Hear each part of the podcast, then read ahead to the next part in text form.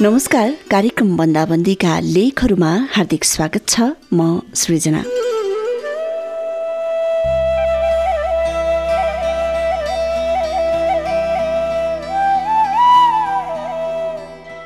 धेरै समय आफ्नो जन्मथलो छाडेर कर्मथलोमा बसेकाहरू अहिले आफ्नै घर आँगन फर्किएका छन्। आफ्नो गाउँघरमा फर्किएपछि कति कुराहरू उनीहरूलाई चित्त बुझे होलान् कति कुराहरू चित्त बुझेनन् होलान्।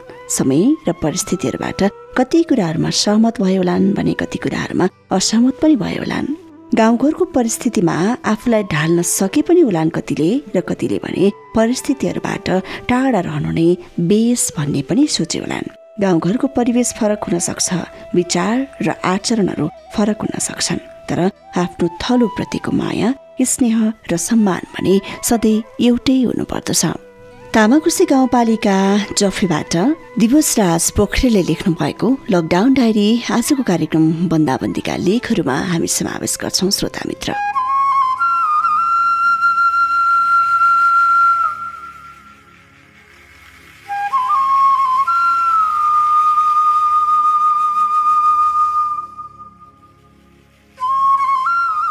नचाहेर पनि यो पालि लामो समय गाउँ बस्यो। धेरै समय भएछ धेरै नयाँ पनि लाग्यो। बाल्यकालमा बिगो गरेर गाली गलेकाहरूले चिन्न पनि छाडेछन्। धेरै परिवर्तन भएछ। पढाइ अनि जागिरको सिलसिलामा काठमाडौँ गइसकेपछि यसरी कहिले पनि गाउँ यति लामो बसेको थिएन। हामीले बुझेको त्यो समाज त्यो पढ्ने वातावरण अनि त्यो प्रतिस्पर्धा आजभोलि गाउँमा पटक्कै देखिँदैन। त्यो बेलाका साना साना भाइ बहिनीहरू अहिले पहुँचको कुरा गर्न सक्ने भएछन्।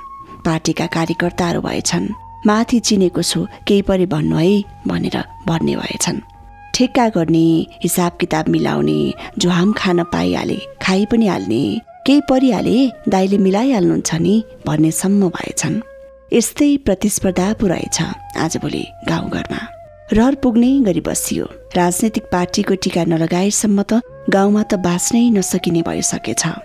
गाउँको विकास र समृद्धिको आउने भनेको बजेट कार्यकर्ताहरूले सिफारिस नगरेसम्म नहुनेसम्म भएछ। आफ्नै सम्पत्ति जत्तिकै गर्ने गाउँका टाउके बनाउँदा नेताजीहरू हत्तेरीका लोकतन्त्र भनेको त साँच्चै आजभोलि गाउँमा पार्टी तन्त्र पो भएछ। हजारौं छोटे राजा जन्माएको हामीले अभ्यास गरेको संहिता पार्टीका कार्यकर्ताका लागि मात्रै बनेछ। बिचरा हलो जोत्ने ज्याला गर्ने माइला साइलाहरूलाई यो कुरा के थाहा? थाहा भएर पनि बुद्धिजीवी बनाउँदाहरू केही बोल्न नसक्ने भएछन्। जबसम्म पार्टीको मान्छे भन्दैन उसको पहुँच हुँदैन सलाम वा जय नेपाल दाई भन्दै तबसम्म उसको हैसियत खोज्ने हिम्मत ऊ पनि राख्न सक्दो रहेनछ। बिचरा हामीले अभ्यास गरेको लोकतन्त्र। उसलाई दोष हुँदै होइन दोष प्रवृत्तिको हो दोष नियतको हो। कार्यकर्ता पाल्ने चुनाव जित्ने अनि आफै बन्ने र परिवार आसेपासे बनाउने अनि भ्रष्टाचार अनियमितता पक्कै केन्द्रीय राजनीतिमा किन नहोस्? गाउँ गाउँमा त यस्तो छ भने नितान्त निजी भोगेको देखेको अनुभव कोही कसैसँग पूर्वाग्रह छैन। यो लेखिरहँदा अपवादमा केही सत्यवान र कर्तव्यनिष्ठ समाजसेवी राजनीति गर्ने व्यक्तिहरू पनि हुनुहुन्छ।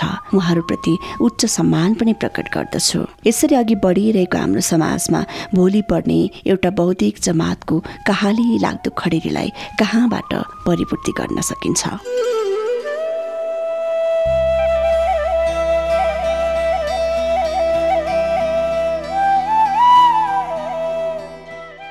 तामाकुसी गाउँपालिका तिन जफेबाट दिवसराज पोखरेलले लेख्नु भएको लकडाउन डायरी आजको कार्यक्रममा हामीले प्रसारण गऱ्यौँ श्रोता मित्र। केही मतभेदहरू अनि केही असमझदारीहरू अनि केही चित्त नबुझेका कुराहरूलाई उहाँले अलिकति राजनैतिक रूपमा व्यङ्ग्य गर्दै थोरै केही लकडाउन डायरीका रूपमा लेख्नु भएको छ। धेरै कुराहरू चित्त बुझ्छन् पनि धेरै कुराहरू चित्त बुझ्दैनन् पनि। वास्तवमै आज गणतन्त्र दिवस पनि परेको छ। गणतन्त्र दिवसकै दिन राजनीतिक दाउपेज बढी खेलिएर गाउँमा भ्रष्टाचार मौलाएको कुरा अनि राजनीतिका कुराहरू मात्रै बढी भएका कुराहरू समेट्नु भएको उहाँको लेखलाई आज कार्यक्रममा हामीले प्रस्तुत गर्यौँ। श्रोता तपाईँ पनि यस्तै केही लेख्न चाहनुहुन्छ? लकडाउन डायरीहरू घरबस्ताका अनुभवहरू आफ्नो मनमा लागेका भावनाहरू अनि केही भोगाईहरू लेख्न चाहनुहुन्छ भने लेखेर कालिम्चोक एफएमको फेसबुक पेजमा म्यासेज गरिदिन सक्नुहुन्छ। तपाईँका लेखहरूलाई हामी कार्यक्रम बन्दाबन्दीका लेखहरूमा समावेश गर्नेछौँ। आजलाई पनि बन्दाबन्दीका लेखहरू यति नै। सँगसँगै दिवस राज पोखरेलजीलाई लेखको लागि धेरै धेरै धन्यवाद पनि भन्न चाहन्छु र यतिन्जेलसम्म सुनेर साथ दिनुहुने तपाईँ सम्पूर्ण श्रोताहरूलाई पनि धन्यवाद अनि प्राविधिक मित्र प्रहलादलाई आभार भन्दै बिदा हुन्छु। नमस्कार।